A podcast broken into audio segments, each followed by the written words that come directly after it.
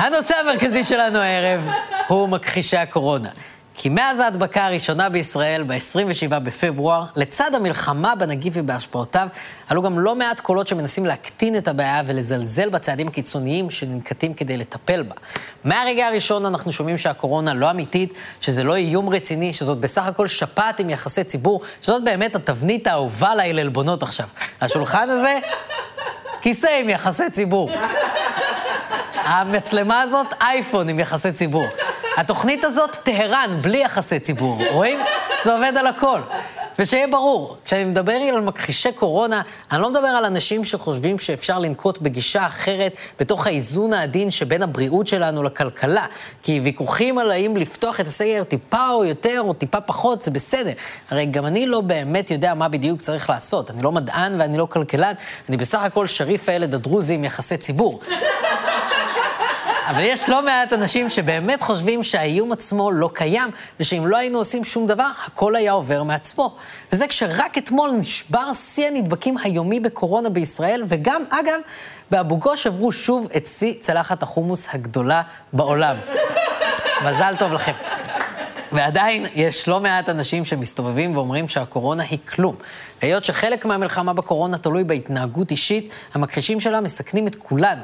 כי בזלזול שלהם הם עוזרים להפיץ גם את המחלה וגם דיסאינפורמציה שמעודדת אנשים אחרים לנהוג בזלזול. והדרך הכי טובה להילחם בדיסאינפורמציה, כידוע, היא לשתות אקונומיקה.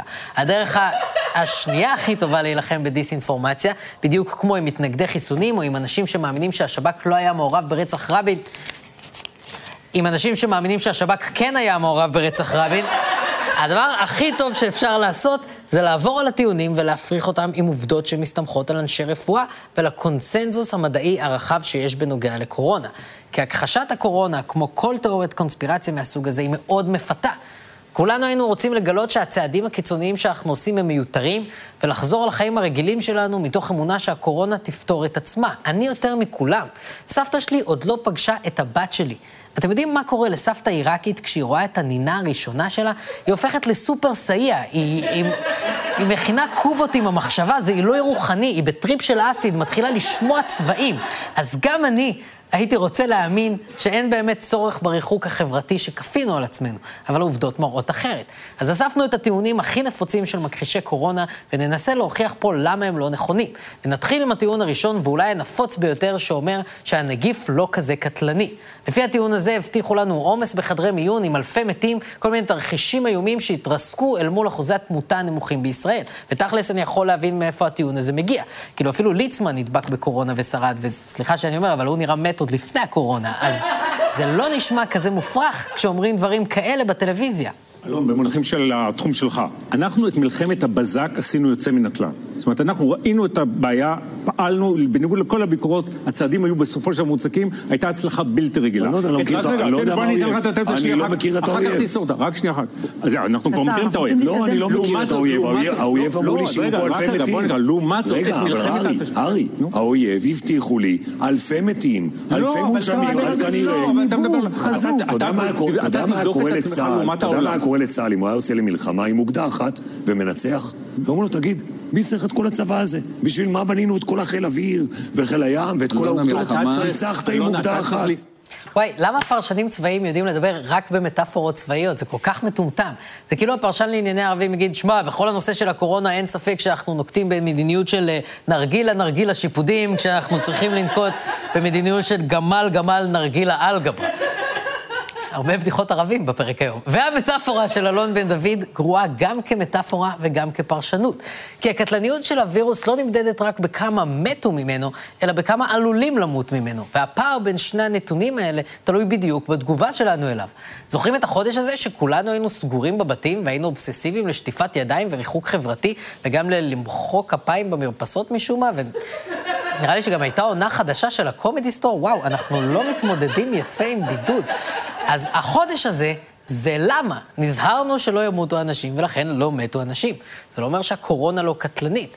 מכחישי הקורונה אוהבים להגיד שהיא קטלנית כמו שפעת, אבל קודם כל זה נורא קשה להשוות בין שתי מחלות, במיוחד כשאחת מהן היא מאוד חדשה.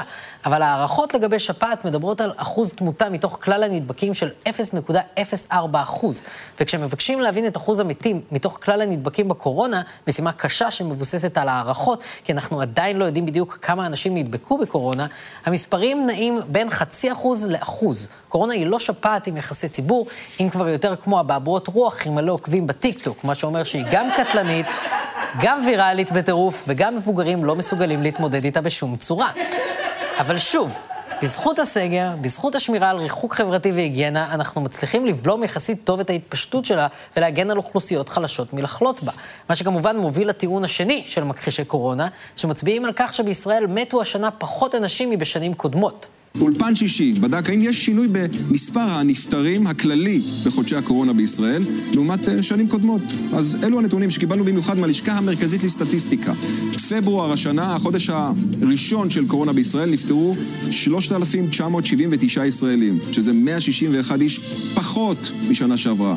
וזה נתון שחוזר על עצמו גם בחודשים הבאים. כמעט בכל אחד מחודשי הקורונה בישראל מתו פחות אנשים מאשר בתקופה המקבילה אשתקד. לא הספיק לנו, הלכנו חמש שנים אחורה. מספרים דומים מאוד, ואם ניקח בחשבון את הגידול באוכלוסייה, אז אולי השנה נפטרו אפילו פחות. שיט, אנחנו בעודף. שכל אחד יצא וישתעל קצת על השכנים שלו. תראו, נכון, הנתונים האלה מרגיזים. לא רק שלא קיבלנו את אלפי המתים שהבטיחו לנו, מתו עוד פחות אנשים מבשנים קודמות, אבל כמו בטיעון הקודם, חשוב לזכור שהיינו בבתים. שמרנו על ריחוק. ראינו את יש לי, יש לי, אומר, יש לי חומונה? לא, יש לי קורונה!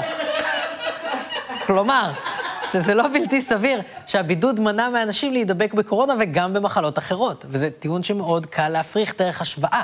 בארצות הברית, לדוגמה, שבה חלק מהמדינות לא נקטו אמצעי זהירות בזמן, מעריכים כי מתו קרוב ל-100 אלף איש רק מתמותה עודפת. כלומר, מעל הממוצע השנתי בין אמצע מרץ לאמצע מאי. בעיר ניו יורק מעריכים כי 75% ממקרי המוות בחודש אפריל נגרמו מהמגפה. ככה שמספר המתים הנמוך בישראל הוא לא באמת הוכחה לכלום. עוד טיעון שמכחישי הקורונה אוהבים להשתמש בו, הוא שיש יותר חולים כי יש יותר בדיקות. שזה בערך כמו להגיד שיש שבעה ימים בשבוע כי יש שבעה פרקים של MKR שצריך לשדר בשבוע. אבל גם לזה למכחישי הקורונה יש הסבר משכנע. אנחנו לא יודעים מה מנע, אבל אנחנו רואים שהמספרים הם לא מגפה. המספרים האלה של אלפים ביום, הרי משרד הבריאות אומר לנו, לפני שלושה ימים הודיע שבעוד חמישה ימים אלף נדבקים ביום. אז עוד יומיים יהיו לנו אלף נדבקים ביום, אתה כבר תוהה, האם לא יסדרו את המספרים כדי שזה יראה ככה. רגע, רגע, רגע, שנייה, אתה כבר תוהה אם משרד הבריאות מסדר את המספרים כי הייתה להם תחזית והתחזית התגשמה? זה אשכרה להאשים אותם בזה שהם עשו משהו כמו שצריך. משרד הבריאות מעריך לפי קצב ההדבקה ומספר הנדבקים כמה יהיו בימים הבאים. אם דני רופ אמר אתמול שירד היום גשם, ובאמת ירד היום גשם, זה לא אומר שהוא עובד עם תאגידי עננים, זה אומר שהוא חזאי. הנתונים של משרד הבריאות הם הדבר שמנחה את כולנו בקבלת ההחלטות בנוגע לקורונה. ולהציע שהם מזייפים את הנתונים האלה או משחקים איתם בלי שום ראייה, זה מטורף. והמספרים האלה מגלים לנו שיש יותר נדבקים. עכשיו, נכון, נעשות יותר בדיקות, אבל זה לא מה שמשנה, כי אחוז החיוביים מתוך הבדיקות גדל בהרבה. הממוצע במאי היה פחות מאחוז, כשבחודש יוני הוא עלה בהדרגה לכיוון הארבעה אחוזים. והמשמעות של זה היא אחת. כנראה שהווירוס הזה הוא עופר שלח ואנחנו כתב של ערוץ ככנסת, כי יש פה התפרצות משוגעת. ונכון, הרבה מהנדבקים האלה לא סובלים מסימפטומים קשים או סימפטומים בכלל, וכאילו, מגניב בשבילם, באמת. אבל יש סיכוי שהם יפתחו סימפטומים בהמשך, וגם אם לא, רוב הסיכויים שהם בכל מקרה מדבקים. ואנשים שהם ידביקו אולי יפתחו סימפטומים קשים בעצמם ואולי לא, אבל הם גם בכל מקרה יוכלו להדביק אחרים. ואם לא נעצור את ההדבקה, מתישהו מישהו לאורך השרשרת הזאת יחטוף את זה חזק, והרבה מישואים האלה יהפכו לעומס על מערכת הבריאות, ויהיו עוד פרקים חדשים של הקומדי סטור, ואני לא אזכה לראות את אבא שלי בחיים. יש לי, יש לי, יש לי חרדת נטישה? כן, יש לי חרדת נטישה. אני בוכה ומשתין על עצמי. הלאה, לטיעון הבא של מכחישי הקורונה. גם אם יש קורונה, אין צורך ללכת עם מסכה.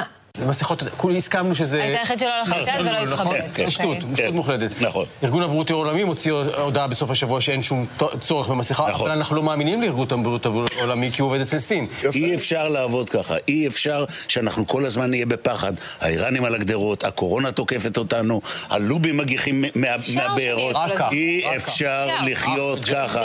אנחנו רוצים את החיים שלנו בחזרה, ולא להיות אבל בשביל מפוחדים. זה צריך מידע אמין ואונליין. והסבר, והסבר ואונליין, בגובה העיניים. נכון. עכשיו מסכות לא עוזרות. באמת, באמת מסכות אני אגיד לך לא למה, כי. אנשים אה, ככה עוטים את המסכות לא, לא, מתחת לא לאף, עוזרות, לא ואז... עוזרות נקודה. לא עוזרות נקודה, תקראי הצהרות של ארגון הבריאות העולמי, תחפשי מחקרים שעוזרים.